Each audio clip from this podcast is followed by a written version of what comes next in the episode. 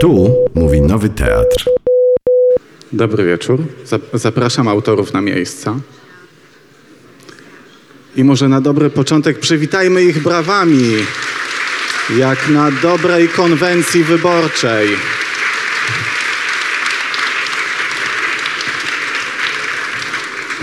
Cieszę się, że byli Państwo wszyscy na liście gości i mogliście wejść. Mm, A naszymi gośćmi w nowej księgarni jest Katarzyna Kasia i Grzegorz Markowski, autorzy wspaniałej książki, którą znaczna część z Państwa już y, trzyma w rękach. Siedem życzeń. I Ci, dzisiaj którzy nie trzymają, proszę to natychmiast naprawić. Ale niektórzy widziałam, że mają tyle książek, że mają więcej książek niż rąk. I to się chwali, i mówię to jako wydawca tej książki e, z wydawnictwa Znak. W pierwszej części pozwolę sobie oddać e, głos prowadzącym, którzy już jako osoby medialne doskonale sobie poradzą.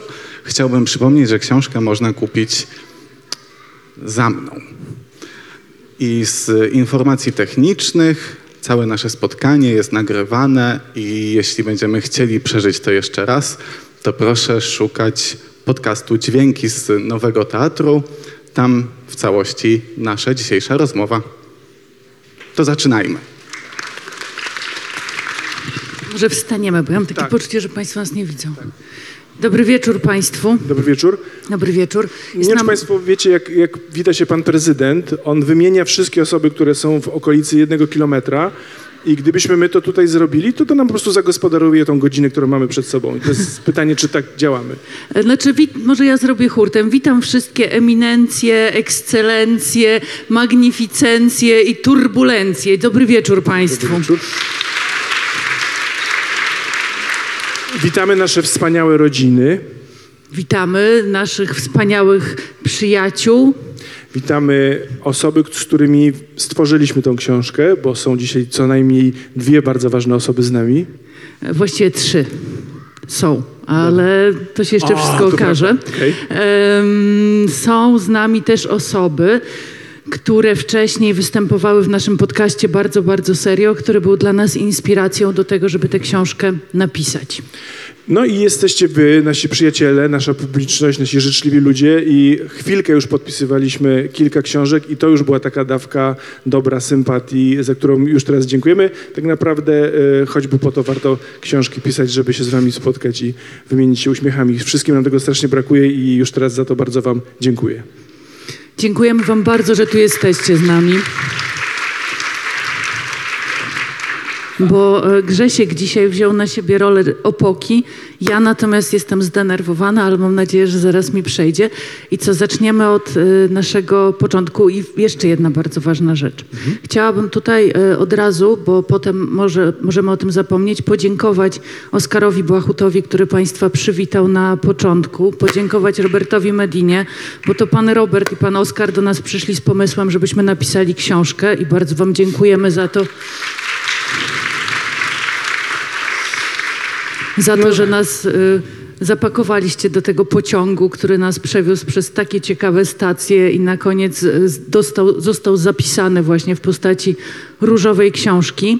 E, bardzo dziękujemy nieobecnej dzisiaj Oli Guzik, która nas prowadziła i Sylwii Tusz, e, która jest w pełni usprawiedliwiona, bo ma właśnie malusieńkie, nowioteńkie dziecko, które akurat było, była w ciąży akurat kiedy powstawała nasza książka, więc to jest dziecko, które się urodziło z mnóstwem dobrych życzeń od razu. W ogóle jakoś takie duże, bo jakiś te, ten Kraków się strasznie płodny okazał. Potem Państwu opowiemy, kto tam się rozmnażał w międzyczasie, jakaś niespodzianka. Eee, I dobra, do tego momentu byliśmy dla Was mili, a teraz po prostu będziemy e, ohydnie egoistyczni i zrobimy coś, o czym marzymy od zawsze, bo tak jest, że najczęściej ogranicza się nasza rola do tego, żebyśmy my zadawali komuś pytania. No i trzeba tego słuchać, wiecie, jacyś mądrzy ludzie coś mówią, masakra, nuda. Yy, I teraz zrobimy inaczej, bo zrobimy sobie w końcu, po wielu latach wyczekiwania, zrobimy sobie krótki wywiad sami ze sobą. Dobra? Tak byście się mogli tutaj... Jeszcze na dodatek zrobimy go tak, jak zawsze marzyliśmy, bo my występujemy w takim jednym programie w telewizji, ale tam człowiek jest przyspawany do fotela i nie można się e, podnieść części zamienić miejscami. Natomiast dzisiaj to zrobimy dla Państwa. Także to będzie show z imponującą choreografią i chciałabym, żebyście to docenili. Tak. Czyli teraz siadamy, uwaga. Ja zacznę Na. Jaworowicz tak nogi weź tak. Możemy zrobić tak nogi? E, to ja jestem teraz prowadzącym, zadaję pytania. Jest takie pytanie, część z Państwa może je znać, bo mieliśmy taki cudowny rok, w którym staliśmy się również twórcami sztuki teatralnej i jednocześnie aktorami, czyli byliśmy i materią, i tworzywem, i tym, co to tworzywo przerabia. I w tej sztuce pada jedno z najważniejszych pytań e, sformułowane przez naszego przyjaciela Wojtka Fiedorczuka. I to pytanie, proszę Państwa, brzmi, ja je teraz Katarzynie e, zadaję. E, Co Pani tego wieczoru sobą reprezentuje? Bardzo się cieszę z tego pytania. Zawsze mówię moim studentom przed obronami, słuchajcie, kochani, jak ktoś wam zada głupie pytanie, to mówcie, że dziękujecie. To jest czas do namysłu. E, Bardzo dziękuję za to pytanie. Też się nad tym zastanawiałam i myślę sobie, że dzisiaj reprezentuję sobą miks emocjonalny o niezwykle natężonej częstotliwości, ponieważ em, z jednej strony jestem niezwykle szczęśliwa.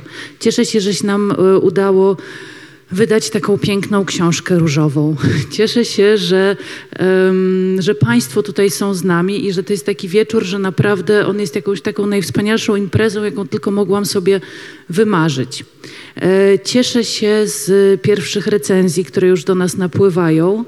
E, I z tego, że te rozmowy, które są w tej książce, mają potężny, jak się okazuje, ciężar gatunkowy i że są głębokie i mądre i że udało nam się em, trochę uzyskać tego, o co walczy jeden z naszych rozmówców, obecny tutaj Jarosław Kuisz, czyli wywalczyliśmy sobie trochę prawa do niuansu. E, I to jest, e, to jest bardzo ważne w takich czarno-białych czasach. Z drugiej strony, oczywiście, jak pytasz o to, co ja sobą reprezentuję, to reprezentuję sobą pewne lęki i pewne obawy, ponieważ dzisiaj jest 11 października, a za chwilę będzie 15. To tak już jakoś jest w tym kalendarzu, że cztery dni po 11 jest 15. I em, myślę sobie, że może się tego dnia bardzo wiele stać. I chciałabym na to patrzeć z nadzieją, ale na razie patrzę na to sinusoidalnie. To znaczy mam takie momenty, kiedy wręcz tryskam nadzieją i optymizmem, ale mam takie, kiedy myślę sobie, oj. I, I chciałabym, żeby te pierwsze się zrealizowały, a te drugie, żeby, żeby zostały gdzieś. To do OI jeszcze wrócimy w e, naszym spotkaniu dzisiaj. To było pierwsze pytanie, dziękuję Pani bardzo. I e, teraz pytanie drugie, ono będzie trochę bardziej poważne. Trzy najbardziej poruszające momenty z naszych rozmów, coś, co Ci zostało najbardziej e, w pamięci. Ja wiem, że mieliśmy siedmioro wspaniałych rozmówców, ale takie trzy scenki, do których będziesz wracać. Jak sobie myślę o tych rozmowach, to em, takim momentem, który, który rozpoczął w ogóle pracę nad tą książką, e, był wywiad z Agnieszką Holland, e, którą, która jest niezwykle hojną i kochaną osobą. Tak hojną i kochaną, że poświęciła nam jeden ze swoich naprawdę nielicznych wolnych wieczorów, a myśmy byli e, tak w nią wczepieni, że nie zauważyliśmy, jak ten wieczór przerodził się w noc, bo w ogóle nie mogliśmy z nią przestać rozmawiać. E, Mimo jej zmęczenia i mimo tego, że następnego dnia rano Agnieszka udawała się na granicę polsko znaczy miała na zieloną granicę, to z filmu, no bo zaczynała e, zdjęcia do filmu Zielona Granica.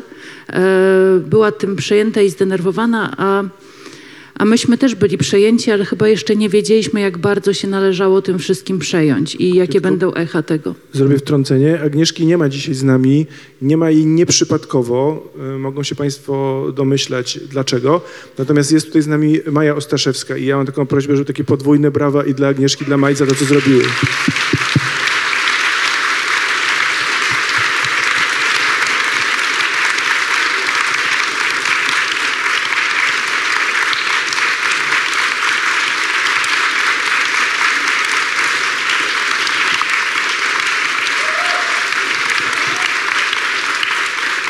W Wenecji te oklaski trwały 18 minut. Jeżeli macie ochotę e, pobić Mamy ten czas, proszę mamy bardzo, czas, ale my stąd wychodzimy za chwilę. Także come on.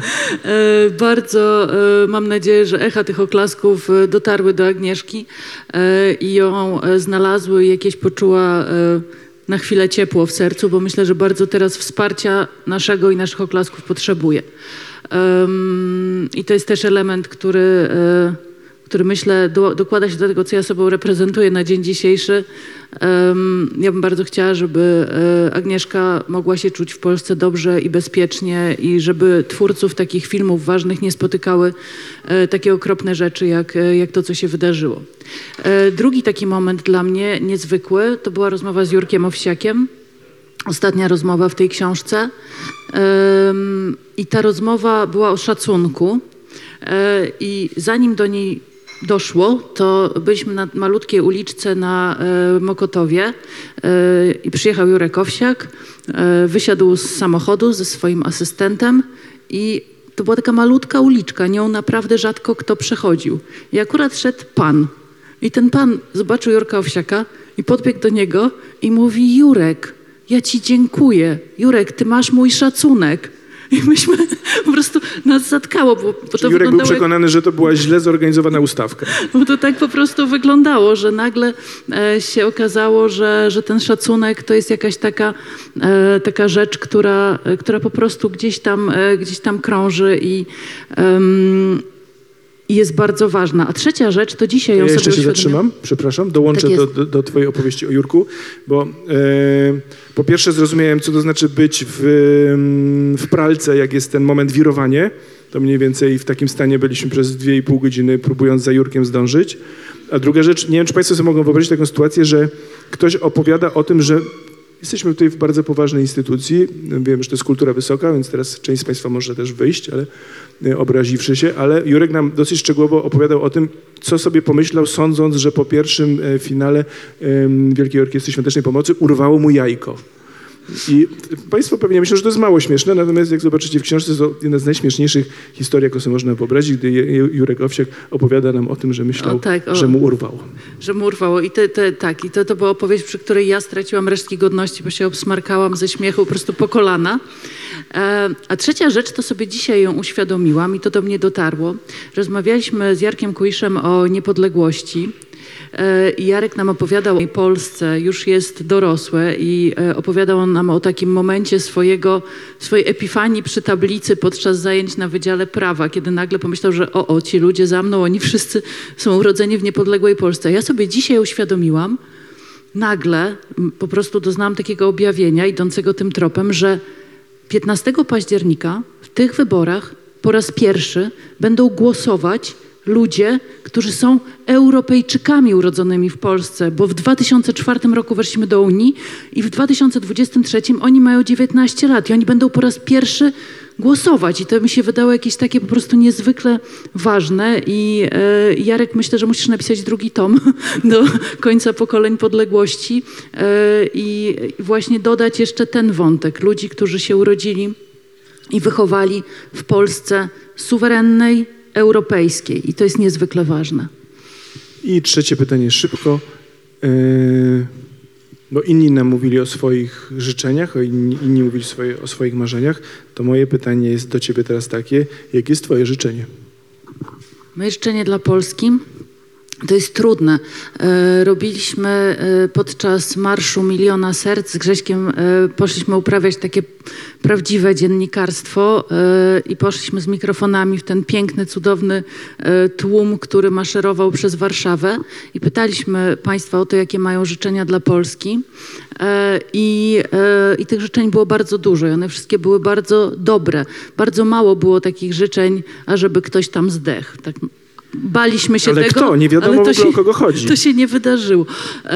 Ja myślę, wiesz co, że em, gdzieś tam jestem rozdarta między życzeniem e, poczucia humoru i życzeniem wolności, takiej e, głębokiej wolności, która jest zapewniona przez dobrze działające państwo, które również sprawia, że masz wolną głowę, w tym sensie, że nie musisz się przejmować e, takimi rzeczami, którymi my się od ośmiu lat przejmujemy, a gdyby to było dobrze działające, demokratyczne, e, funkcjonujące państwo, to po prostu w ogóle by to nie były nasze problemy. Bo czy to jest mój e, własny problem, żeby była w Polsce praworządność? Ja bardzo chcę, żeby była w Polsce praworządność, niech to będzie jasne, ale ja nigdy się dotychczas nie musiałam o to jakoś specjalnie ja osobiście martwić, bo był system, który mi to zapewniał. Ja bym chciała wolności od tych zmartwień, ale też wolności do tego, żeby każdy mógł robić to, co umie i to, do czego jest wykształcony i to, co lubi robić, bo w tym jesteśmy najlepsi, co lubimy robić. E, I chciałabym e, właśnie takiej wolności do działania, bo myślę sobie, może jestem naiwna, ale myślę sobie, że dopiero wtedy będziemy mówić o jakimś skoku rozwojowym w Polsce, kiedy rzeczywiście każda i każdy z nas będzie mógł robić to, co umie i lubi, a nie troszczyć się o pracę innych ludzi, którzy źle nami rządzą. E, I to jest jakieś takie moje marzenie, właśnie marzenie o tych dwóch rodzajach wolności, wiesz, żeby ona była wolnością od tego, co nam ciąży i wolnością do robienia tego, co chcemy i umiemy robić najlepiej. No to może przy okazji 15 em, twoje życzenia chociaż trochę się spełnią. Mój wywiad dobiegł końca. Ja tylko Państwu powiem, że teraz się zmienimy rolami, natomiast jeszcze powiem, co przed nami, bo w ogóle nie podaliśmy programu, bo rzeczywiście jesteśmy oboje e, trochę zdenerwowani i wzruszeni tym, że z nami tutaj jesteście. Po tej krótkiej rozmowie ze mną, potem zaprosimy naszych współautorów i im też zadamy trzy pytania, e, a potem będzie moment, mam nadzieję, w którym Państwo nam zadacie pytania, a potem będzie moment, w którym będziemy podpisywali książki. To wszystko się skończy koło 24, drugiej w nocy, tak mniej więcej tą stronę. Mamy czas. spokojnie. Także teraz uwaga, zmiana, zamknijcie oczy i zrobi się taka magia, że ja będę teraz. Bardzo. Dziękuję, panie redaktorze. Dobry wieczór państwu. Mam wyjątkową przyjemność gościć dzisiaj na tej kanapie Grzegorza Markowskiego. Nie tego z perfektu. Grzegorz Markowski, proszę bardzo. Grzegorz Markowski e, napisał wspólnie z Katarzyną Kasią, ale jej tu z nami nie ma dzisiaj, książkę zatytułowaną Siedem życzeń. I e, ja chciałabym e, zapytać Grzegorzu, czy to jest tak, że pisząc tę książkę zrealizowałeś jakieś swoje ważne marzenie? Czy też to jest tak, że po prostu to się wydarzyło? Czy to było tak, że dążyłeś do tego w życiu, może nawet nieświadomie, że zostaniesz autorem książki? Czy też po prostu nagle to się wydarzyło i akceptujesz to? Mówiłaś o tym, że się nagle pojawili obok nas wspaniali wydawcy e, z Krakowa, ze znaku, i oni rzeczywiście powiedzieli, a może byście coś zrobili. No ale potem się pojawiło pytanie, ale tak konkretnie co? E, Więc tym pierwszym krokiem, tym czymś, co zainicjowało to, że dzisiaj tutaj siedzimy, było rzeczywiście ich przeczucie, że może coś fajnego możemy razem zrobić. Natomiast potem oczywiście się pojawiło pytanie, co by to miało być i tu się włącza rzeczywiście jakiś mój rodzaj bzika, bo ja nie wiem, czy miałem fantazję o tym, że, no jak byłem, nie, jak byłem bardzo mały, to, to myślałem sobie, że chciałbym być pisarzem i nawet myślę, że dosyć intensywnie, intensywnie pisałem. Jak to było w takim czasie podstawówkowym, to to jeszcze było znośne, bo chyba było trochę śmieszne. Jest tutaj moja mama, w razie czego może potwierdzić. Nie ma wyjścia, musi, e, żeby było śmieszne. A potem miałem taki czas takiej literatury, którą kiedyś moja córka namierzyła.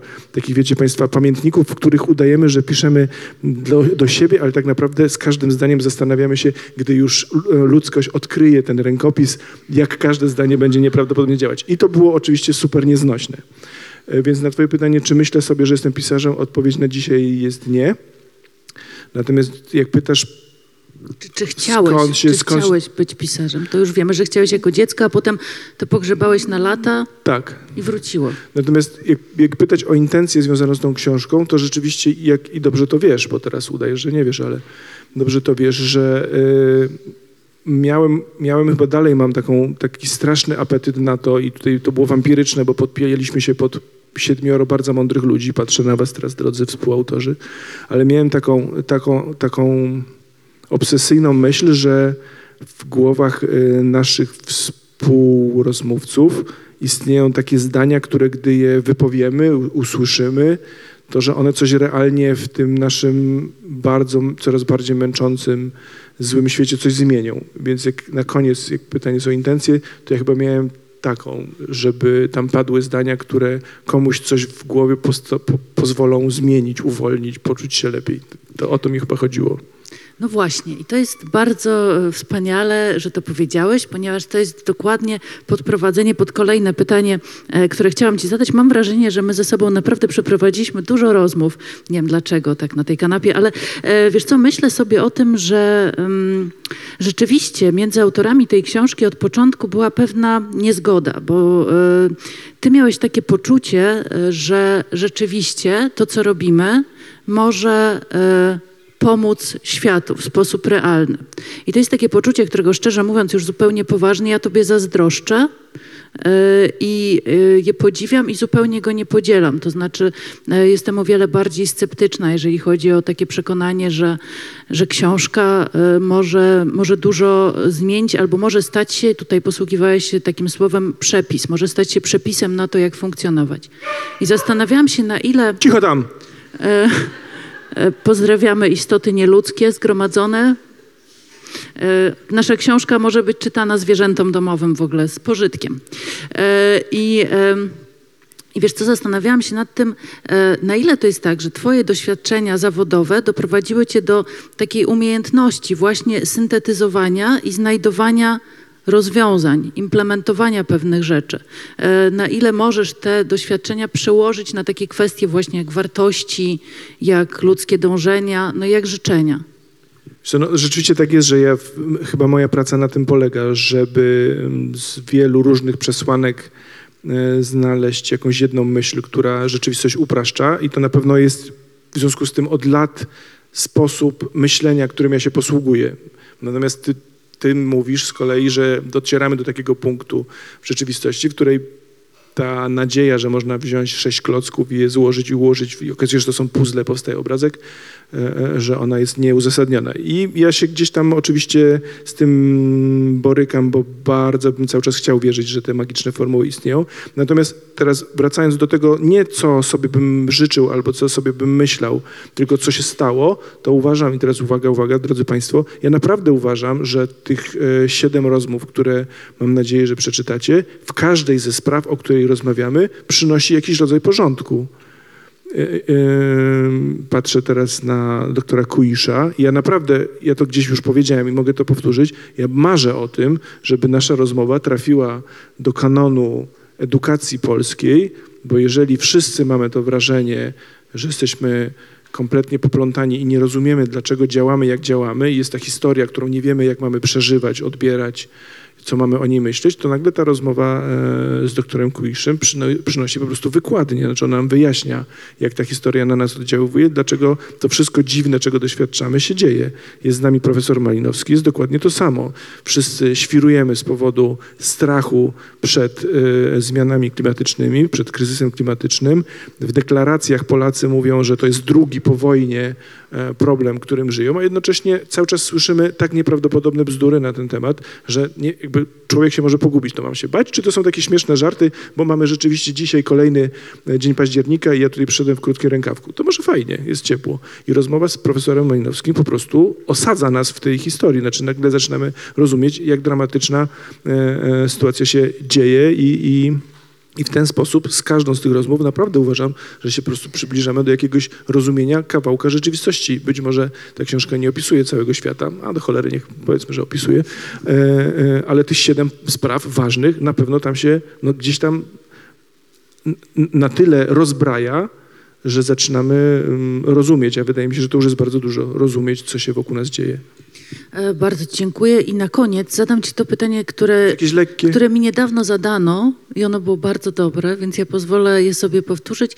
Mianowicie zapytam cię o to, jakie byłoby twoje życzenie dla Polski, dla siebie, dla nas wszystkich, którzy tutaj e, tę społeczność tworzymy. Nie tylko w tym teatrze, ale w tym 38-milionowym depopulu, depopulizującym się kraju. Trudne słowo, Ja po co ja mam- mówię takie trudne słowo? wiem, że za chwilę mam powiedzieć trudne słowo, to wiem, że je e, po prostu omijam, zastępuję jakimś prostszym. Wyludniającym się kraju. na przykład. Yy, My żeśmy, nie, możecie Państwo wierzyć lub nie, my żeśmy się nie dzielili tym, jakie pytania sobie nawzajem zadamy. Yy, I teraz możecie się znowu śmiać lub nie, ale ja jestem teraz w 100% w takim utożsamieniu się z wszystkimi paniami, które kandydują na Miss Polski, Świata albo Uniwersum i one tam zawsze mówią takie rzeczy, z których my się potem strasznie śmiejemy. No, Niech świat będzie szczęśliwy, niech wszyscy będą zdrowi, niech nie będzie chorób na świecie. I ja teraz dokładnie coś takiego powiem. Śmiejcie się lub nie. Olewam was. E, Ja bym chciał, żeby dobro zwyciężyło. Ja już mam tak dosyć tej myśli, e, która wraca do mnie codziennie, e, że zło może wygrać, że za ogromne pieniądze można wyprodukować kłamstwo, które jest w stanie zniewolić miliony ludzi i oni zaczynają myśleć, że to jest prawda. Że my możemy mieć człowieka, który ma stanowisko premiera i na naszych oczach mm, no teraz jak, jaką czynność fizjologiczną przywołać, żebyśmy poczuli, Może co on zróbmy, robi. ja zrobię pip i I ja po prostu za, coraz bardziej się boję, że taki obraz świata, z którym się w każdej sekundzie, w każdym centymetrze nie zgadzam, że on może stać się obowiąz, obowiązującą wersją rzeczywistości, więc mam nadzieję, że tak się e, w ogarnialnej dla mnie perspektywie czasu e, nie stanie. Dzisiaj usłyszałem takie pocieszenie młodszego kolegi z pracy, który powiedział 4, 8, 12 albo 20 lat, w końcu kiedyś to się przewali. Otóż do mnie dociera, że ja tego czasu po prostu nie. Nie, mam. nie wiem, czy Państwo podobnie czują, ale do kurwy nędzy nie mam czasu na to E, i mam nadzieję, że w związku z tym tego 15 coś się zmieni. Chociaż zdaję sobie sprawę, jak nieoczywiste jest to życzenie. Amen. niech kandydaci z listy numer 7 wygrają. Dziękuję bardzo. Moim gościem był Grzegorz Markowski. Dziękuję. E, Proszę Państwa, teraz poprosimy do nas naszych rozmówców, ale ja bym chciał jeszcze jedną rzecz zrobić. Ten, mamy tutaj plakat wyborczy, to jest prawdziwy baner. Serio. I mam taką prośbę, tam są flamastry i teraz mówię zupełnie serio. Ja bym bardzo Państwa zachęcał do tego, żebyście na tym banerze napisali swoje życzenia i marzenia, dobra? Można napisać dowolne rzeczy, nawet brzydkie słowa, bo nikt tego nie będzie cenzurował, życzeniami i życzeniami. Także Wy możecie w międzyczasie pisać, a my A my zapraszamy naszych y, współrozmówców, którzy nas tutaj dzisiaj zaszczycili. Wiemy, że jest profesor Szymon Malinowski. Zapraszamy i Panie- prosimy o wielkie brawa. Bardzo.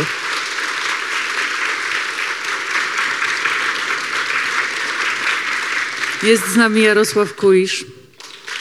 Zapraszamy.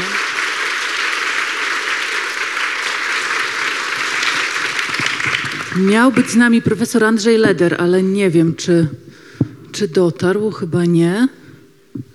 Em, Jest z nami jeszcze jedna osoba, ale nie chcę wchodzić na scenę, aby nie ograniczać tutaj naszej.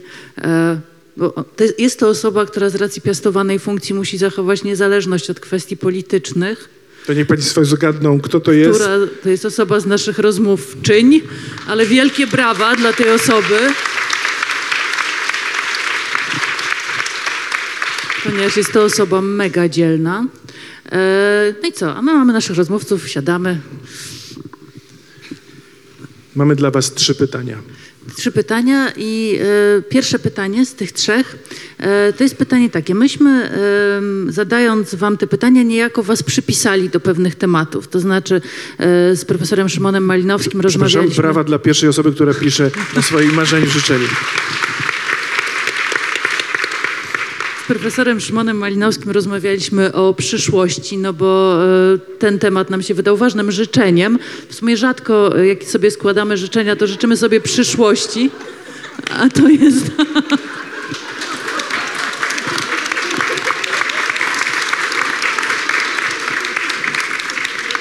A to jest takie życzenie fundamentalne. Z Jarkiem...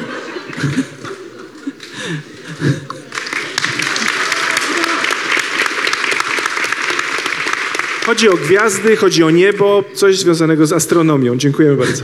Z Jarosławem Kuiszem, doktorem Jarosławem Kuiszem rozmawialiśmy z kolei o niepodległości. To też jest ważne, rzadko składane przy świątecznych stołach życzenie. E, I w sumie narzuciliśmy panom te pytania. Mm, Zadaliśmy pytania, które myśmy sobie wymyślili, że to są najlepsze życzenia. Natomiast e, gdybyście wy, gdyby każdy z was miał wymyślić swoje życzenie, to czy zostalibyście przy tym i dlaczego, które wam zadaliśmy, czy też wymyśliliście by, wymyślilibyście sobie jakieś inne? E, Jarek? Ja po pierwsze dziękuję Wam za tę książkę. Bardzo Wam dziękuję za to, że, że wykonaliście ten wysiłek i zanim przejdę do odpowiedzi, chcę powiedzieć dlaczego i to uzasadnić. Po prostu nie wiem, czy Państwo mieli już okazję nawet przekartkować e, siedem życzeń, ale e, powiedzmy sobie od razu, że to jest chwila oddechu, chwila uśmiechu i chwila tego, że ktoś w tym trudnym, przyznaję, otoczeniu, które, które mamy, no, podejmuje wysiłek, e, żeby wyciągnąć dla nas rękę, zbudować taki most, przez który sobie przejdziemy i się spotkamy. I trzeba sobie powiedzieć, że to już jest e, dużo w tych okolicznościach, które mamy. Tym bardziej, że bardzo wiele się robi na, do tego, żeby więzy pomiędzy nami były osłabiane, rwane, no albo po prostu obrzydzane nawet, tak? Bo to do tego, do tego momentu dotarliśmy. Więc bardzo Wam dziękuję za zaproszenie i tu, i do książki. I przechodząc do odpowiedzi na, na pytanie, powiedziałbym w ten sposób, no z racji, z racji tej epifanii, jak to ładnie nazwałaś, jak to nazwaliście, e, e, temat niepodległości cały czas mnie gryzie. Dlaczego? Dlatego, że paradoksalnie jest to dla mnie źródłem optymizmu. W nawet najgorszej sytuacji, która nam się przytrafi, i tak jest lepiej niż było od 300 lat. Więc proszę Państwa, to jest taka refleksja, której człowiek tak trudno się Ale zobacz, jaki oswaja. entuzjazm wy, wybuchł, naprawdę. Hurra! Słuchajcie, prawda jest taka, że nawet tutaj najbardziej dojrzali nasi, nasi widzowie, słuchacze e, muszą przyznać, że o tym, żeby żyć w niepodległym swoim kraju i jeszcze o całkiem nie, nie, nie, nie, nie, nie, nie bagatelnym poziomie zamożności, bo spójrzmy na glob, nie, nie, nie chodzi o to, żeby prawda, mówić, że nie ma problemów. Jak najdalej od tego. Ale jeżeli się rozejrzymy po świecie, jeżeli przede wszystkim spojrzymy w przeszłość, to nasi, na, właśnie nas, nas wszystkich tutaj, dziadkowie, pradziadkowie, marzyliby o tym, żeby żyć w takich warunkach jak my. A cóż dopiero powiedzieć to swoim dzieciom, a cóż dopiero powiedzieć to maluchom, które żyją obok nas i nie ma takiej możliwości, żeby na horyzoncie nie pojawiła się sprawa nadziei. Bo nawet najgorsze opisy, prawda, nawet najgorsze diagnozy muszą skończyć się odrobiną nadziei, bo po prostu przekazujemy jakąś pałeczkę następnym pokoleniom. I tutaj ja muszę powiedzieć, że jeżeli spojrzymy na, te, na to, o czym pisałem, o co wy, wy mnie poprosiliście, żeby opowiedzieć, e, o tych pokoleniach niepodległości, to nieustająco mam wrażenie, że żyjemy w jakimś cudzie i oczywiście dużo, polega, du- dużo naszych problemów polega na tym, że bardzo trudno nam jest opracować, sobie przepracować ten cud. Co rozumiem przez cud? To, że tak jak wspominałaś, po raz pierwszy od ponad 30 lat jesteśmy na swoim. Proszę Państwa, od ponad 30 lat żyjemy w, w cudzie wewnątrz jego, jak w akwarium, na tle polskiej historii. Od 300 lat czegoś takiego nie było. Od rozbiorów. A ja zdałem sobie z tego sprawę właśnie stojąc przy tablicy i kiedy tam opowiadałem, a państwo jedno, to państwo drugie, tutaj daty, tutaj tak. I nagle dotknęło, tak dotarło do mnie taki puf. Był taki pomysłowy Dobromir, bo tam piłeczka skakała. Więc ta piłeczka mi tam wybuchła nad głową o rany, ci za mną, wszyscy ci młodzi ludzie, to się urodzili w niepodległej Polsce i, i dalej, i wychowali. I co z tego wynika? I tu się zaczęła wielka przygoda z tym, że jednak to jest takie źródło nadziei. To jest takie źródło nadziei. I tak się zastanawiam teraz, że do tego, żeby to głosić, to jak pytasz, czy jeszcze inny temat, to, to trzeba mieć trochę odwagi, żeby takie, takie rzeczy mówić, bo nie jesteśmy z tym oswojeni. I jest to bardzo trudne, bo jednocześnie jesteśmy słusznie zatroskani, ale bez intelektualnych, a upieram się, że to jest ważne, bez pewnych intelektualnych źródeł nadziei, czyli tego, żebyśmy schodzili poniżej albo powyżej tych sporów, tej całej, tego całego kurzu, brudu nawet, który nas otacza, to żeby mieć nadzieję, trzeba wejść odrobinę wyżej. Dzięki. Dzięki wielkie.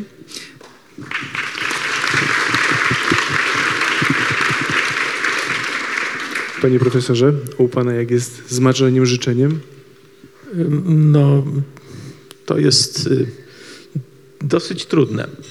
Ale, y, ale powiem, powiem tak. Po pierwsze, strasznie dziękuję za tą rozmowę I chciałem zauważyć, że jak popatrzymy sobie na skład tych rozmówców, to jestem jedynym reprezentantem natury w świecie kultury.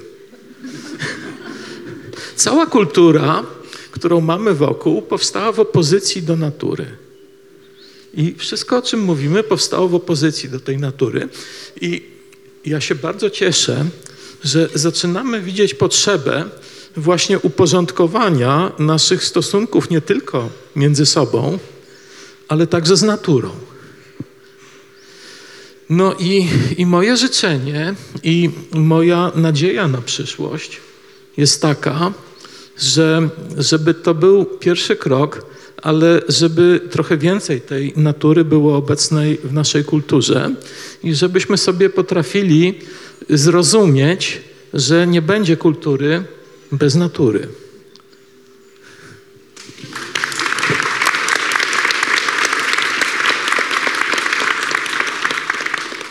Dziękujemy bardzo. To teraz drugie pytanie.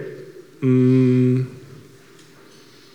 Co się stanie w Polsce? Jak będzie wyglądała Polska 16 października, w poniedziałek?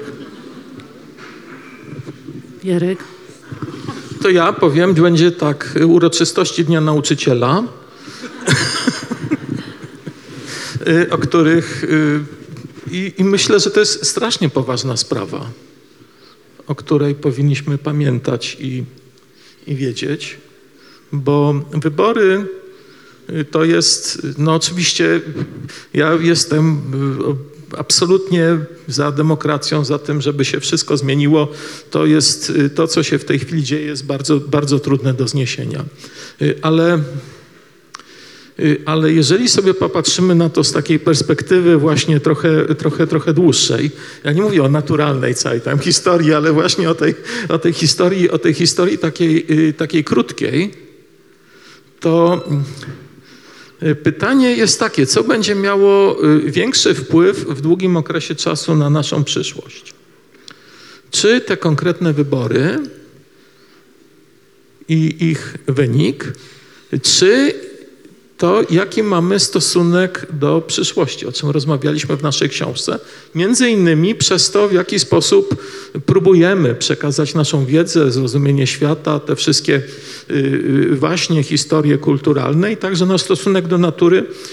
I, i tutaj, i tutaj jest, jest ten element, który, y, który wydaje mi się ważny, żebyśmy nie zapomnieli, że te wybory, jaki by nie był wynik, to nie jest koniec świata.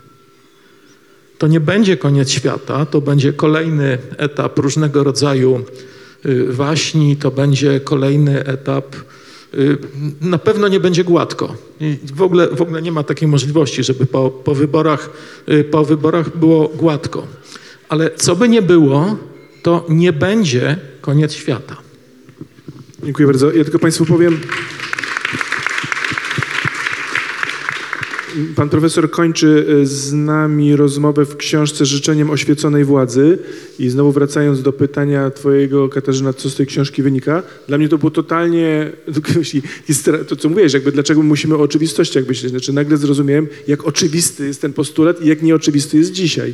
Bo ja sobie po stwierdzeniu pana profesora zadałem takie fundamentalne pytanie, od czego jest władza, czym ona się powinna zajmować, za co odpowiadać, no bo nagle, się, nagle sobie musimy przypomnieć, że ona powinna być między innymi odpowiedzialna. Za to zdanie Ale bardzo panu profesorowi ogóle- dziękuję. To jest w ogóle coś niezwykle ciekawego, bo e, mimo, że e, panowie reprezentują zupełnie inne dziedziny, to e, w książce kończycie w sumie tak samo te rozmowy, bo pan profesor Malinowski życzył nam oświeconej władzy, a Jarek nam życzył mądrej władzy w świeckim państwie. Także w sumie gdzieś tam te konkluzje, czy się wychodzi od strony natury, czy od strony kultury, są dosyć podobne. I trzecie pytanie, Katarzyna. Drugie jeszcze Jarek nie A, odpowiedział, co 16 będzie. Ale wiecie co, to ja przerwę jeszcze. Mówcie mi, mówmy sobie po imieniu, dobrze? Profesor to jest, że tak powiem, tytuł zdobyty w drodze procedury administracyjnej i tak naprawdę to nie jest istotne. Dobra? Jesteśmy Jestem Szymon. zaszczyceni. Bardzo nam miło, dziękuję bardzo. E, skupmy się na 15. Zróbmy co należy. Tam jest instrukcja obsługi. Właśnie Państwo Lepszej tutaj nie ma. napisali, ja może powiem tutaj w międzyczasie Kasia na premiera, Grzesiek na prezydenta. Tak, ale tam jest...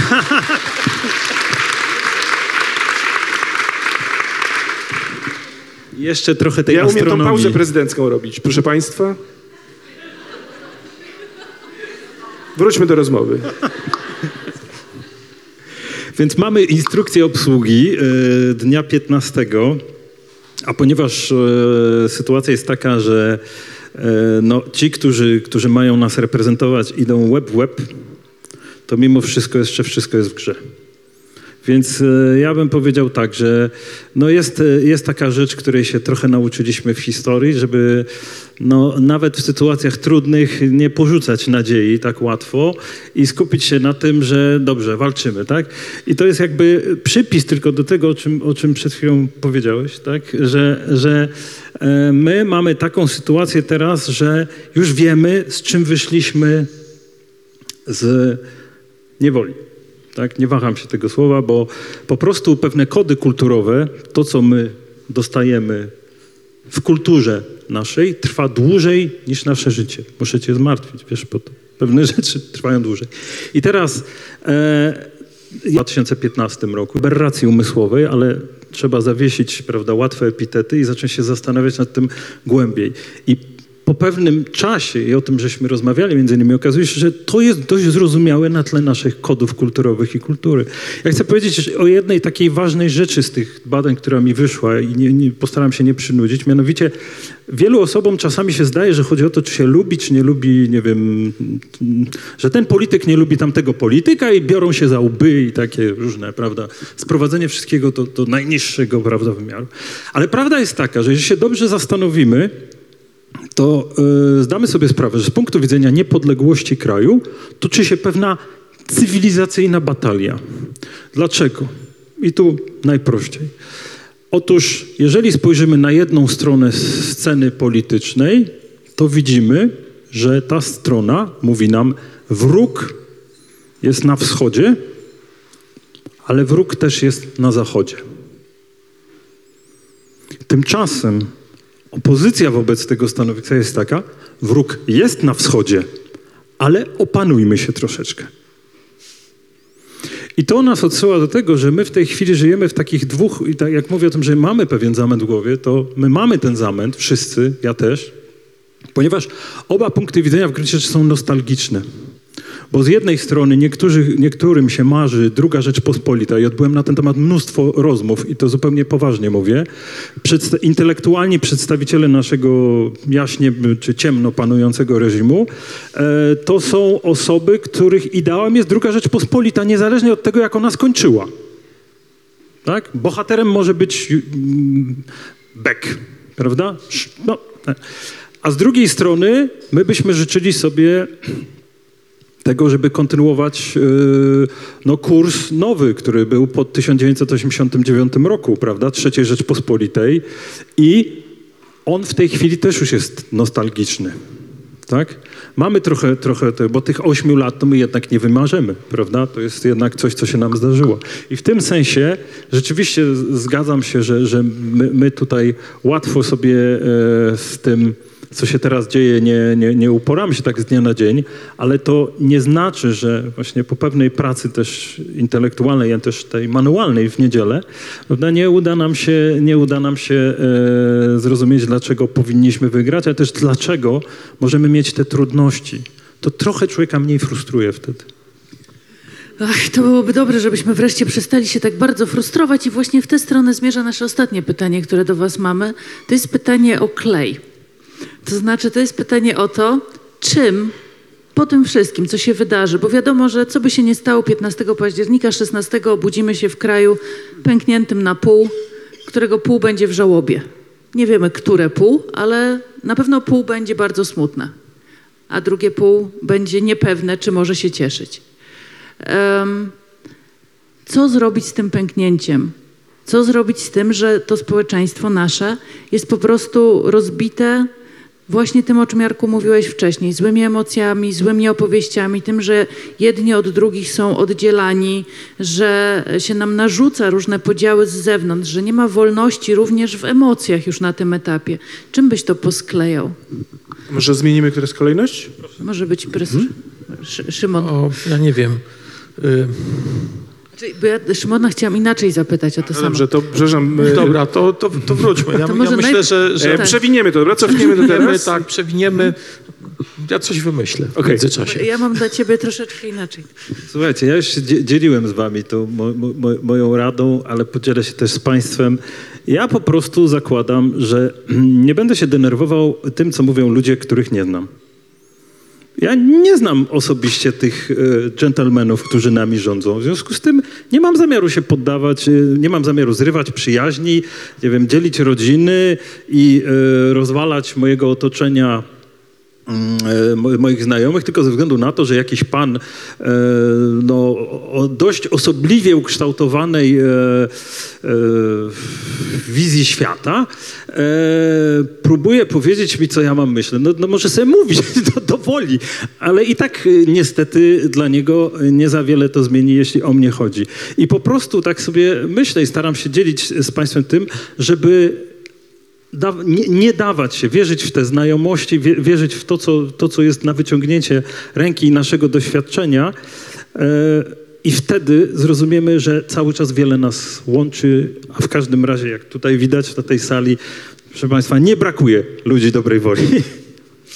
Dzięki. A do Szymona mam pytanie o klej, który będzie bardziej organiczny. W tym sensie, że powiedziałeś wcześniej o tej opozycji natury i kultury, o tym, że kultura jest na naturze zbudowana. Jak to zrobić, żeby nasza e, kultura i to wszystko, co robimy, nie było tak od natury odklejone? Jak to zrobić, żeby to myślenie o przyszłości w kontekście tego, co mówisz o katastrofie planetarnej, o jej świadomości, żeby to wkleić w naszą świadomość, żeby to się stało naszą wspólną troską, bo bez tego po prostu przyszłości nie będzie. No, recepta jest bardzo prosta. Pójść na spacer zamiast patrzeć w to okienko. To, to naprawdę... No chyba, że w nim, wy w nim występujecie. Głupia sprawa, no. Tak, ale, ale, ale, Dzięki, Szymon. ale ten. No cóż, no. Pójdź na spacer. Dobra, ale, y, y, ale wbrew pozorom to jest y, poważna odpowiedź. To jest poważna odpowiedź, bo nie wiem, czyśmy rozmawiali, chyba rozmawialiśmy, prawda, o tym, jak wieje wiatr. Kto, kto z Państwa wie dzisiaj, z której strony wieje wiatr? Kuba wie? wie, gdzie jest Kuba? No dobra, ale nie ma, nie ma lasu rąk, prawda? Nie ma, nie ma Nasz lasu. A to jest takie naj, najbardziej podstawowe odczucie, jak się, jak się wyjdzie, wyjdzie na y, przestrzeń. Y, myśmy się od tego kompletnie, y, kompletnie oderwali i tego nie widzimy. I, I może próba choć takiego powrotu, żeby wyjść na, na spacer i się zastanowić, także trochę pomoże nabrać dystansu do tych właśnie y, tych, tych historii. Ja się z tobą st- stuprocentowo zgadzam, że żaden pan mi nie będzie mówił, ja też nie, nie mogę nikomu powiedzieć, słuchajcie, idźcie na spacer. Ja, ja, tylko, ja tylko nieśmiało, y, nieśmiało, y, nieśmiało proponuję. Y, Ale to tonizuje, to właśnie trochę pozwala nabrać dystansu, to trochę pozwala zrozumieć, że y, to, co ludzie w danej chwili myślą, mówią i tak dalej, mówią pod wpływem chwilowych emocji. I to niekoniecznie jest to, y, to jest to, co widzimy na co dzień. Y, To okienko to, to były właśnie te złe emocje, prawda? Y, Że, że to nie jest to, to co, co nami powinno kierować i, i, i, i- kieruje. I ja powiedziałbym tak, natura nie ma emocji, my mamy emocje. Natura w sensie prawa, prawa przyrody, prawda? Nie w sensie y, poszczególnych y, organizmów, bo mnóstwo właśnie ludzkich organizmów i nie tylko, myślę, ma, y, ma, ma, ma, ma te emocje. I, I próba zrozumienia tego, że ten świat działa niezależnie od tych naszych emocji, to trochę pozwala nabrać, nabrać, nabrać, nabrać dystansu i, i nie przejmować się aż tak strasznie tymi drugorzędnymi rzeczami. Bardzo Wam dziękujemy. Tak. Wielkie Dziękujemy brawa dla naszych bardzo. współautorów. Dziękuję. Zostańcie z nami, zostańcie z nami. jeszcze, zostańcie jeszcze. Ja może w międzyczasie powiem, co się pojawiło. Nie bójmy się marszu na Kapitol. Kto to napisał? Tak, tak wiedziałem od razu. E, zawsze móc swobodnie oddychać. Więcej mostów niż e, murów. e, oraz przyjaźń i równość. E, Tu to już stanowisko obsadzone. Ja jeszcze dostałem w dodatkowym prezencie prezesa TVP. No jestem podobny do Kurskiego, to mnie nie dziwi. I e, osiem gwiazdek. Dobrze. To teraz mamy taką prośbę do Was. Chcielibyśmy teraz też z Wami chwilkę porozmawiać, więc to jest moment na, na, na pytania. Bardzo chcielibyśmy Wasze pytania usłyszeć i spróbować na nie odpowiedzieć. Mikrofon jest do dyspozycji, a też cały czas zachęcam, żeby tych marzeń i życzeń jeszcze trochę tutaj dopisać. Czyli teraz, czy ktoś ma do nas jakieś fantastyczne pytanie? Czy ktoś by chciał coś nam powiedzieć? Już Nikt nie ma Tak, do to jest ta głupia pytań, że się- sytuacja. Czy ja mam kogoś wskazać palcem? No dajcie spokój. No. No, nie ma litości. Ja widzę, że pani się tutaj rwie. E, Ja chciałam pań, Państwu podziękować za wszystkie rozmowy, za książkę tak awansem, bo jeszcze nie przeczytałam. I chciałam powiedzieć, że Państwo sobie chyba, znaczy myślę, że mogą Państwo sobie nie zdawać sprawy, jak e, dużo te Państwa rozmowy ludziom dają i jak e, te Wasze rozmowy ludzi łączą. E, Takie połączenia międzypokoleniowe, mogę to powiedzieć na przykładzie mojej rodziny gdzie po prostu, no nie chcę jakoś tak, żeby to infantylnie wypadło, ale naprawdę moja rodzina y, się integruje oglądając y, spotkania z y, Państwa rozmowy, więc, więc ja bardzo się cieszę, no bo uważam, że no, oczywiście wzbogacamy to również jakimś elementem natury, ale E, Ale no, państwa rol- roli nie możemy przecenić w tych spotkaniach rodzinnych. Także Dziękujemy bardzo, bardzo. dziękuję serdecznie. My dziękujemy najmocniej Dziękuję i bardzo. To jest częsta Tam jest sytuacja, pytanie z w której e, jest prośba o pytanie, ale ktoś nie udziela, nie zadaje pani tylko- tylko coś od siebie mówi i zwykle to jest nieznośne, ale w pani przypadku to było cudowne Było i bardzo za to dziękujemy. absolutnie. I pytanie. Się mogę przyłączyć do mojej poprzedniczki, to najpierw wielkie dzięki, ale pytanie, Klasyczna sytuacja, będziemy za chwilę słyszeli, jesteście moją ulubioną parą. Przeskoczmy do. dobrze. E, moje pytanie brzmi, czy w trakcie tych rozmów dowiedzieli się Państwo czegoś o sobie? Jeśli tak, to czego? Katarzyna? To ja powiem, wredny, to ja powiem e, tak, że e, tak, ja się dowiedziałam o sobie mnóstwa rzeczy. Po pierwsze, że mnóstwo rzeczy nie wiedziałam, to dzięki Szymonowi w ogromnej mierze. E, Zdałam sobie sprawę, że kompletnie nie wiem skąd wieje wiatr i że za rzadko chodzę na spacer, zdecydowanie. To, co mi się jakoś e, objawiło, to są właśnie też te horyzonty czasowe. E, I tutaj ważna była, ważne były te rozmowy e, z Andrzejem Lederem, z Jarkiem Kuiszem właśnie o podległości, niepodległości, traumie, dziejach, historii, o tym, jak to wpływa na to, gdzie jesteśmy dzisiaj i kim jesteśmy. Ale najwięcej rzeczy, których kompletnie nie wiedziałam i podejrzewam, że dalej nie wiem, ale ja się uczę. Dowiedziałam się od Joanny Tyrowicz, e, bo jednak profesora ekonomii to ma taki łeb wielki tyle wie rzeczy wspaniałych i przerażających zarazem, że dla mnie ta rozmowa była trudna, chyba najtrudniejsza ze wszystkich, ale jednocześnie, e, jeżeli chodzi o takie zupełnie nowe sprawy, najwięcej mi otworzyła różnych e, przestrzeni. I co więcej, jest jeszcze jedna ważna rzecz, że ja e, mam w sobie duży lęk ekonomiczny.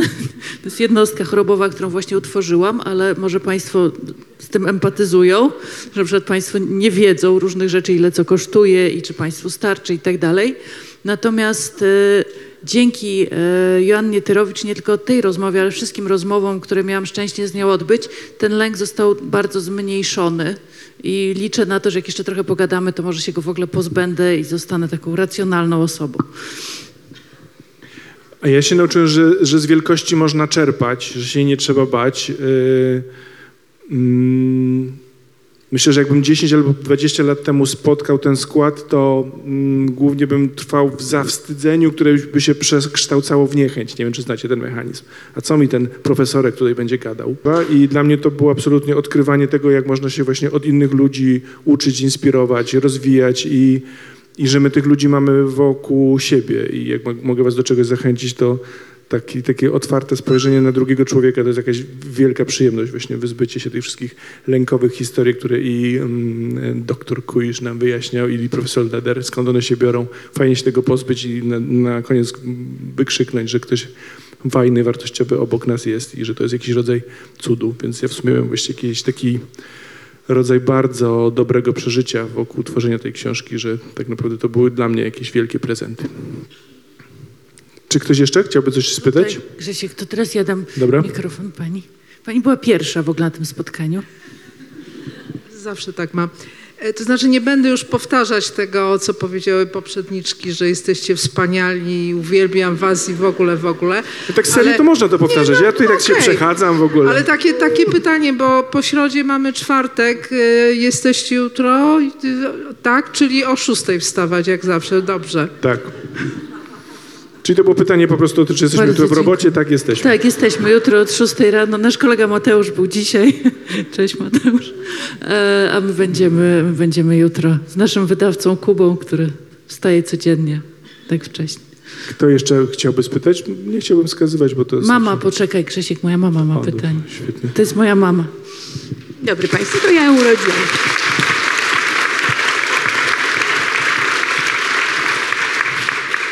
Tam siedzi też mama Grzesia, która Właśnie też... może wyrównajmy tutaj. Moja... Mama się nawet nie chce wam pokazać.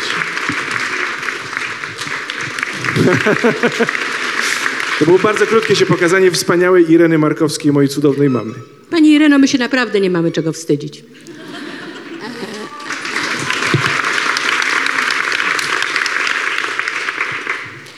A pytanie mam do y, Szymona? Nie, ze względu na siwe włosy też ci będę Spoko. mówiła ty. No. Poza tym też robię w nauce. Ale ja robię w filozofii. I mam do ciebie takie pytanie, które dręczy mnie w związku z czymś, nad czym w tej chwili pracuję. Postanowiłyśmy z moją przyjaciółką wieloletnią, która jest biologiem. E, Wprawdzie ona mm, tę biologię uprawiała na Georgetown University, ale dzięki e, komunikacji bezdotykowej jest mi niejednokrotnie bliższa niż moi bliscy sąsiedzi, mimo że jest w Waszyngtonie. I pracujemy nad taką książką Rozmowa o życiu na Ziemi. Bo oczywiście mm, naszemu dzieciństwu, mojemu dzieciństwu nie towarzyszył lęk ekologiczny.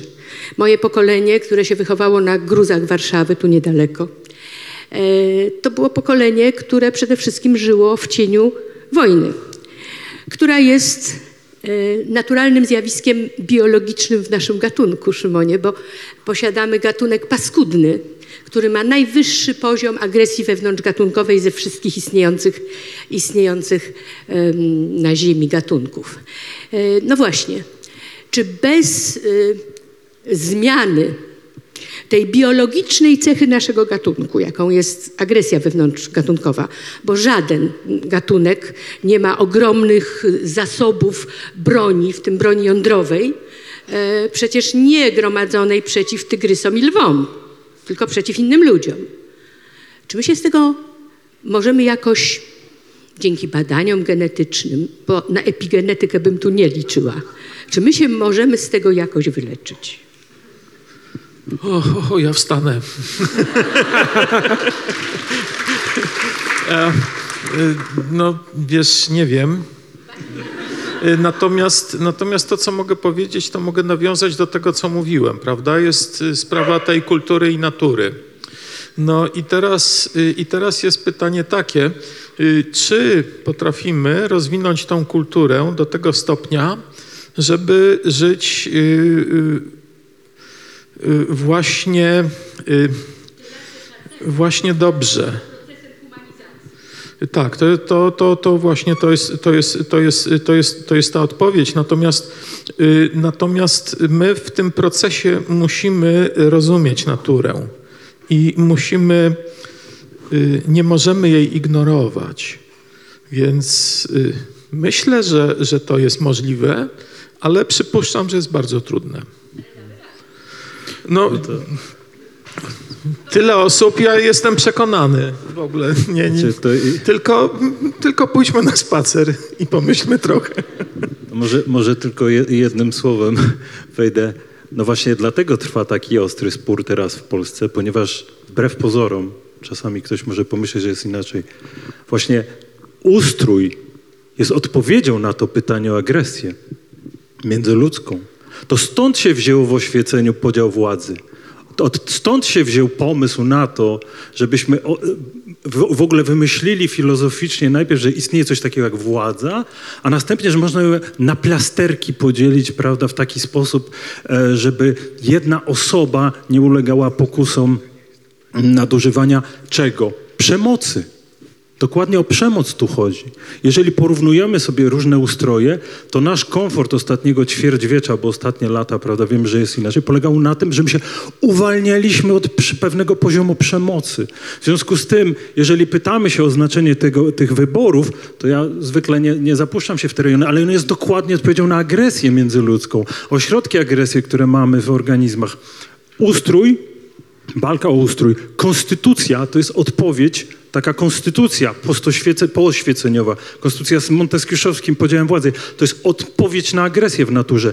I nie jest przypadkiem, że jeżeli mają Państwo wrażenie, że kampania wyborcza jest brutalna, to to jest ściśle związane z faktem, że od ośmiu lat rozmontowuje nam się bezpieczniki.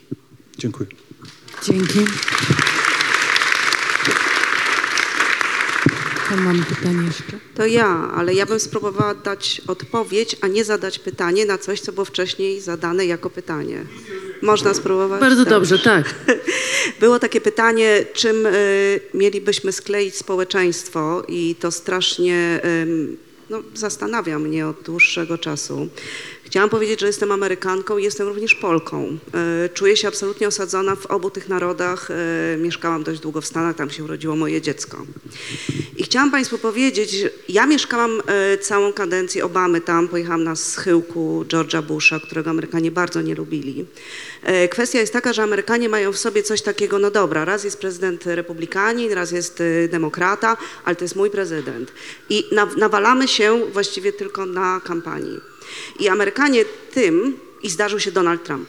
I, i tak pokrótce chciałam tylko powiedzieć, że przed Donaldem Trumpem Amerykanie sklejali się tym, że mówili OK, agree to disagree. To znaczy, zgódźmy się, że się nie zgadzamy. Każdy idzie w swoją stronę.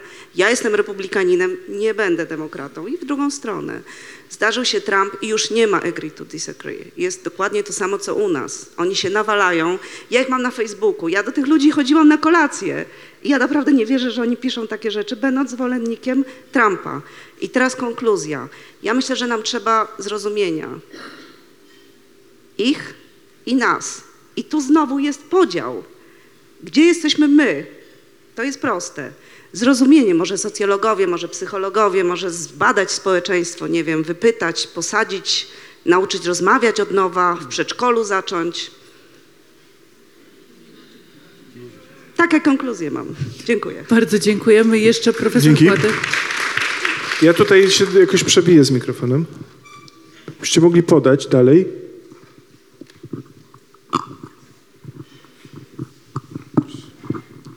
Dziękuję. Tu siedzą moi przyjaciele, którzy mi mówili, że czasami mogę skorzystać z prawa do milczenia i się nie odzywania, ale się nie dało, bo zabrała głos mama Katarzyny Kasi i w związku z tym, dzięki temu, że prowadzicie Państwo taką dyskusję, ja chciałam stanowczo zaprotestować i w trzech punktach uzasadnić mój protest.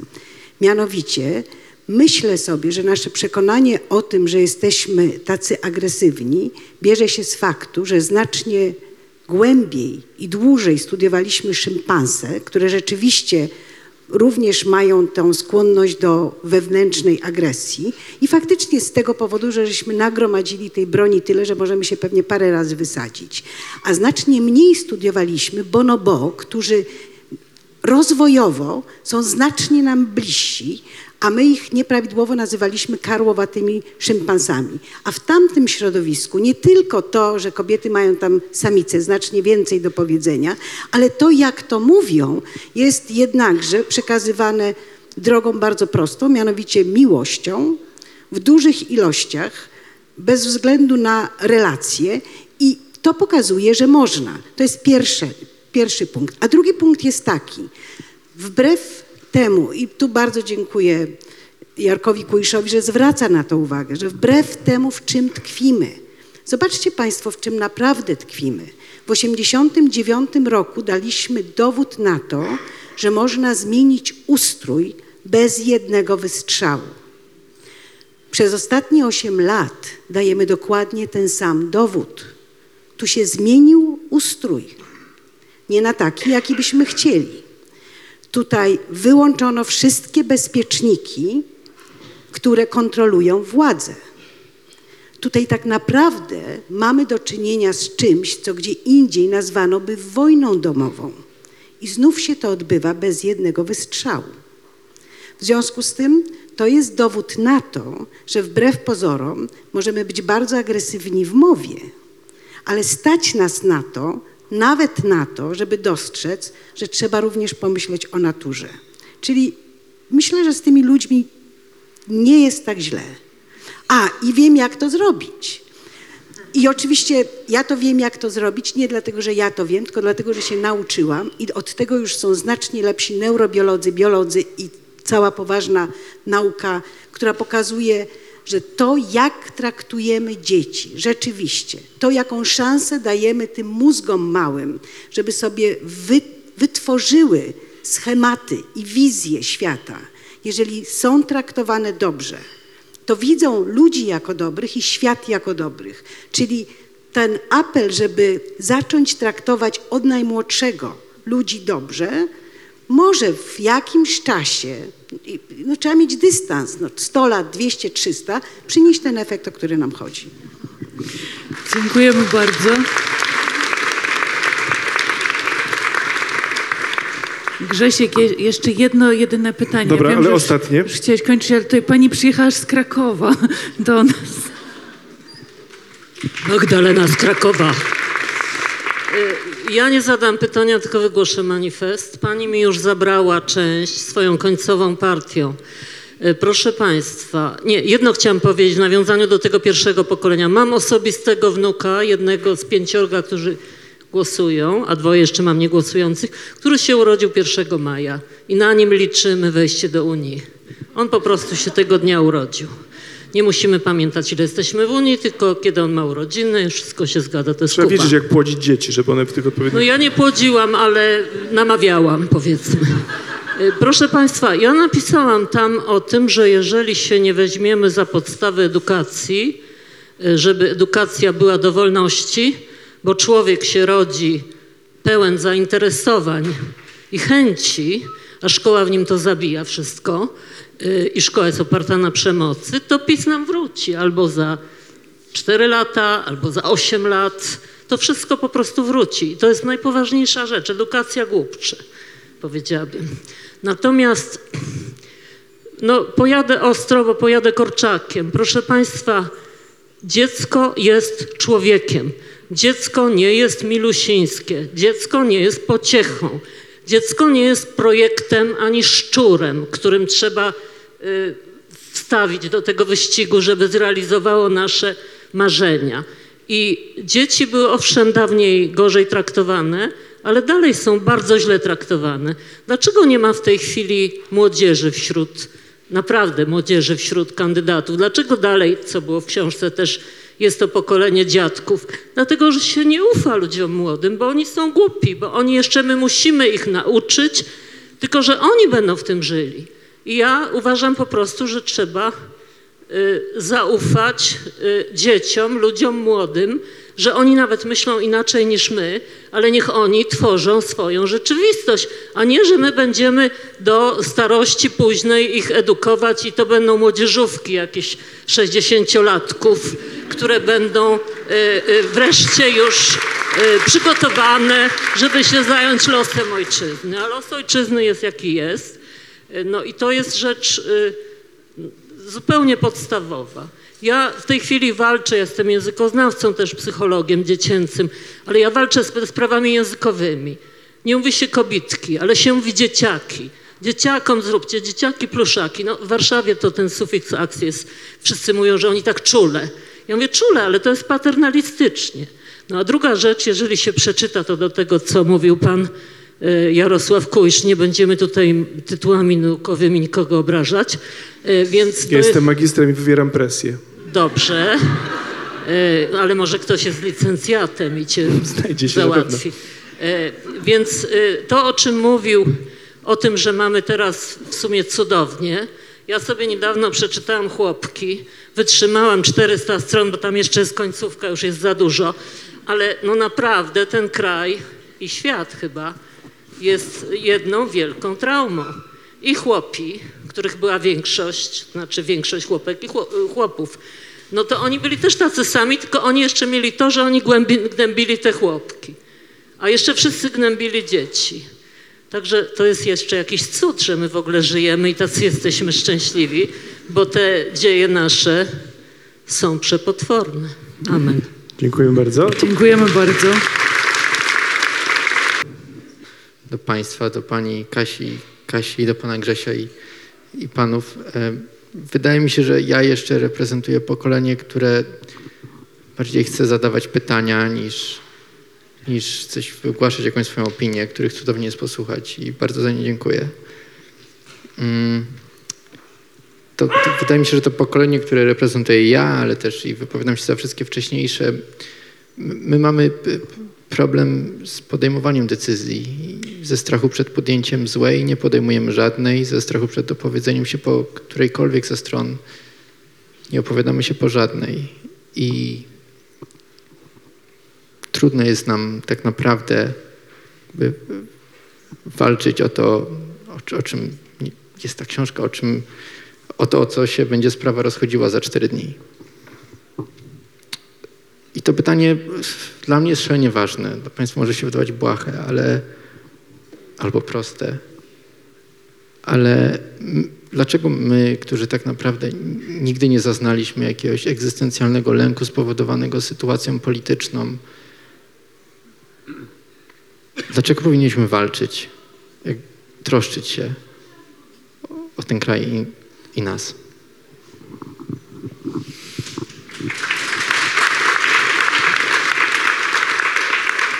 Dobra, kto to dźwignie? Kto tutaj jest najsilniejszy? No ja mówię serio, bo to jest genialne pytanie. Ja mam, wiesz, taki odruch, to jest, y, mam odruch totalnie kompa- kombatancki, bo mam ochotę podbiec do ciebie albo, przepraszam, dobra, nie, ściskać też, ale z drugiej jakby wyszarpać, jakby, ale jak to? Czego nie rozumiesz? Kraj płonie, obudź się. Niedawno to zrozumiałem, że rzeczywiście z waszej perspektywy to, to nie chcę teraz być wujkiem, ale to, co jest dla mnie jakąś totalną oczywistością i wrzeniem, zrozumiałem, że, że dla ciebie wcale tak być e, e, nie musi. Mi przychodzi słaba odpowiedź. Mm, To może jak nie jesteś pewien, to nam zaufaj, że naprawdę możemy mieć przesrane. Wspólnie, razem, przesrane. Że to, co my widzimy jako gigantyczne niebezpieczeństwo, naprawdę będzie niebezpieczne dla, dla nas wszystkich. Więc jakby dzielę się z Tobą swoim przeczuciem.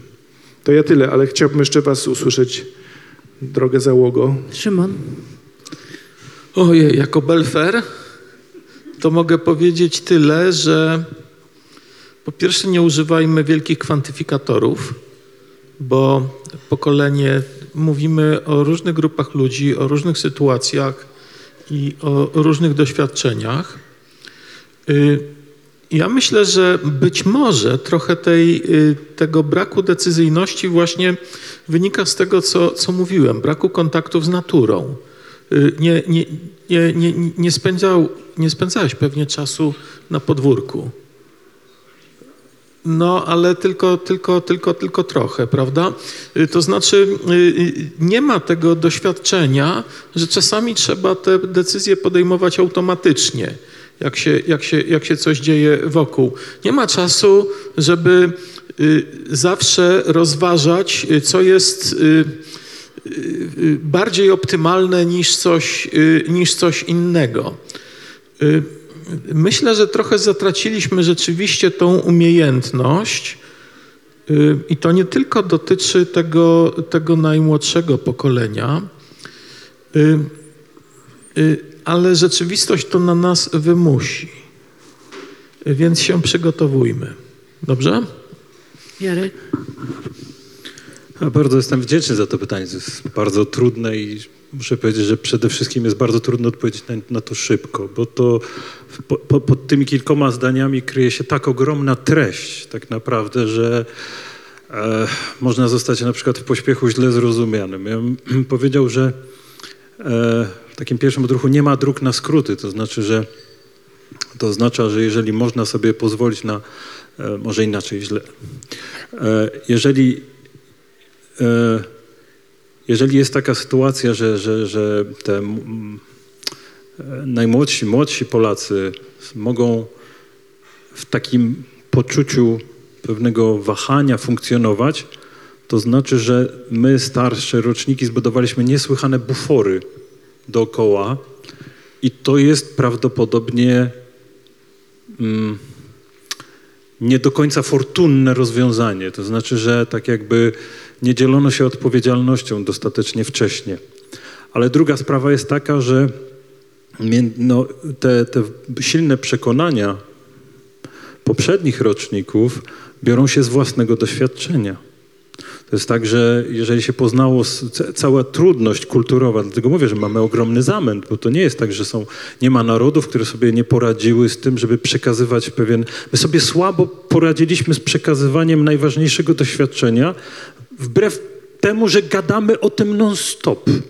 Non-stop gadamy o Polsce, o polskości, o niepodległości i tak dalej, ale w przekazaniu smaku, takiego słodko-gorzkiego smaku tego, jesteśmy w gruncie rzeczy słabi, bo kiedy przychodzi do rozmowy, uciekamy w patos. A patos jest pusty, pusty na ogół.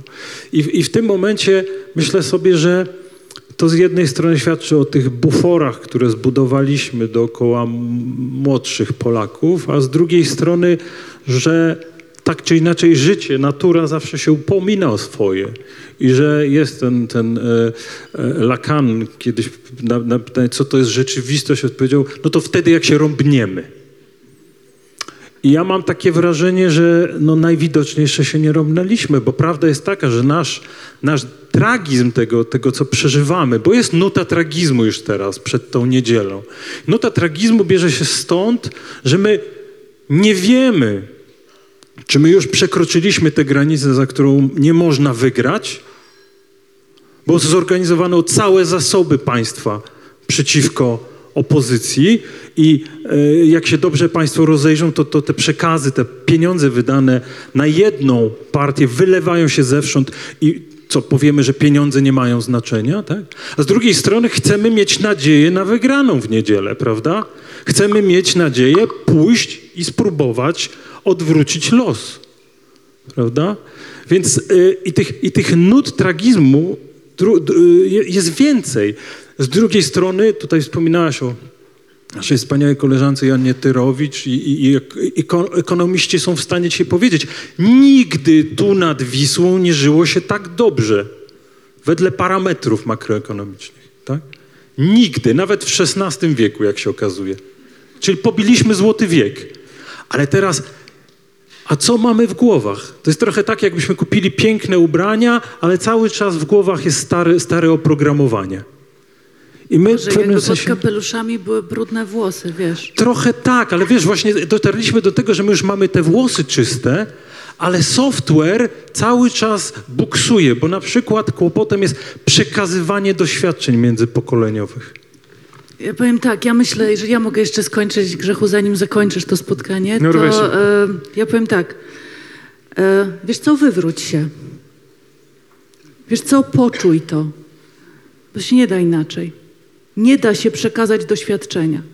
To znaczy, ja mam córkę, którą bardzo kocham i bardzo często mówię, Nina, ubierz się. Jest moja córka, proszę bardzo.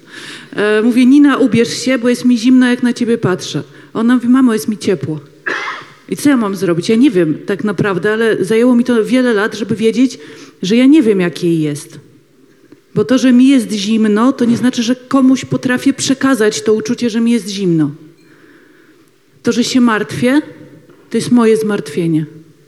Jak się martwię o Polskę, to to dalej jest moje zmartwienie o Polskę. I dopóki ktoś nie będzie miał swojego zmartwienia o Polskę, to ja tego nie przekażę. I oczywiście, że ja bym najchętniej wszystkie osoby, które uczę, wszystkie moje studentki, wszystkie studentów, wszystkie osoby studenckie, ja bym kurczę owinęła kołdrami, pierzynami puchowymi, obwiązała sznurkiem, żeby wam się nic nie stało, żebyście byli tacy bezpieczni, cudowni, żebyście nie czuli tego zmartwienia. Naprawdę bym tego chciała. Z całej siły. I ten moment dla mnie najgorszy to jest ten moment, jak wychodzicie z tej szkoły, gdzie tak bardzo o was dbamy. I ja już nie wiem, co z wami dalej będzie. I wiem, że się walniecie w głowę i wiem, że wam zrobią krzywdę. Wiem, że was ktoś wykorzysta, wiem, że wam ktoś nie zapłaci, wiem, że ktoś z wami podpisze jakąś obrzydliwą umowę kredytową na 30 lat i że się będziecie zażynać w gównianej pracy albo na umowę o dzieło będziecie projekt, w projektach pracować różnych. No i współpracujecie w projektach i potem będziecie głosować. Ale bez tego to będzie teoria.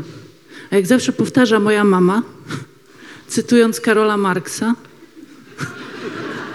teoria ma się do praktyki jak onanizm do miłości płciowej.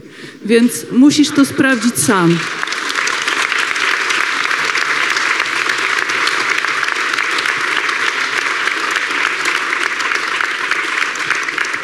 Ja się zacząłem cholernie martwić, bo zrobiło się strasznie, strasznie smutno i chciałem Ci Katarzyna podziękować, że w ostatniej chwili powiedziałeś onanizm i miłość płciowa. Dziękuję bardzo.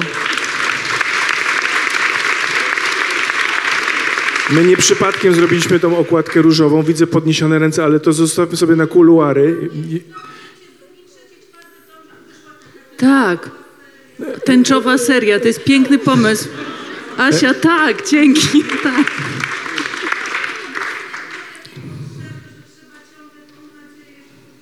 No właśnie. Będzie normalnie, ale tęczowa seria jest piękna. Różowy nie jest kolorem też. tęczy, żebyśmy wiedzieli. Ja myślę, że może zróbmy tak, podziękujemy. Tak, naszym bardzo dziękujemy. Gościom. Jarosław Kuj, Szymon Malinowski, dziękujemy wam.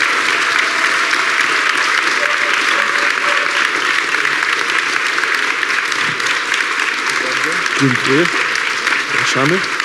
E, Słuchajcie, to my chyba skończymy część oficjalną. Jeżeli macie ochotę z nami jeszcze chwilę zostać, to z przyjemnością będziemy oczywiście e, podpisywali e, książki, jeżeli tylko macie oczywiście na to ochotę. Nie, że tak sugeruję, żeby te książki kupować, w ogóle o tym nie pomyślałem.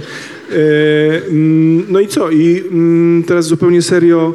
Naprawdę to jest super dla nas ważne, że tutaj e, do nas przyszliście. Umieraliśmy z Katarzyną z obaw, że policzyliśmy, ile mamy członków rodziny. Wyszło, że tak mniej więcej 8 osób będzie. Ale was też traktujemy jako naszą rodzinę. To nie jest e, zabieg erystyczny, tylko naprawdę tak myślimy, że jesteśmy w jakiejś grupie fantastycznych ludzi i to też jest powód do nadziei. Bardzo wam dziękujemy za ten wspólny wieczór. Dziękujemy bardzo.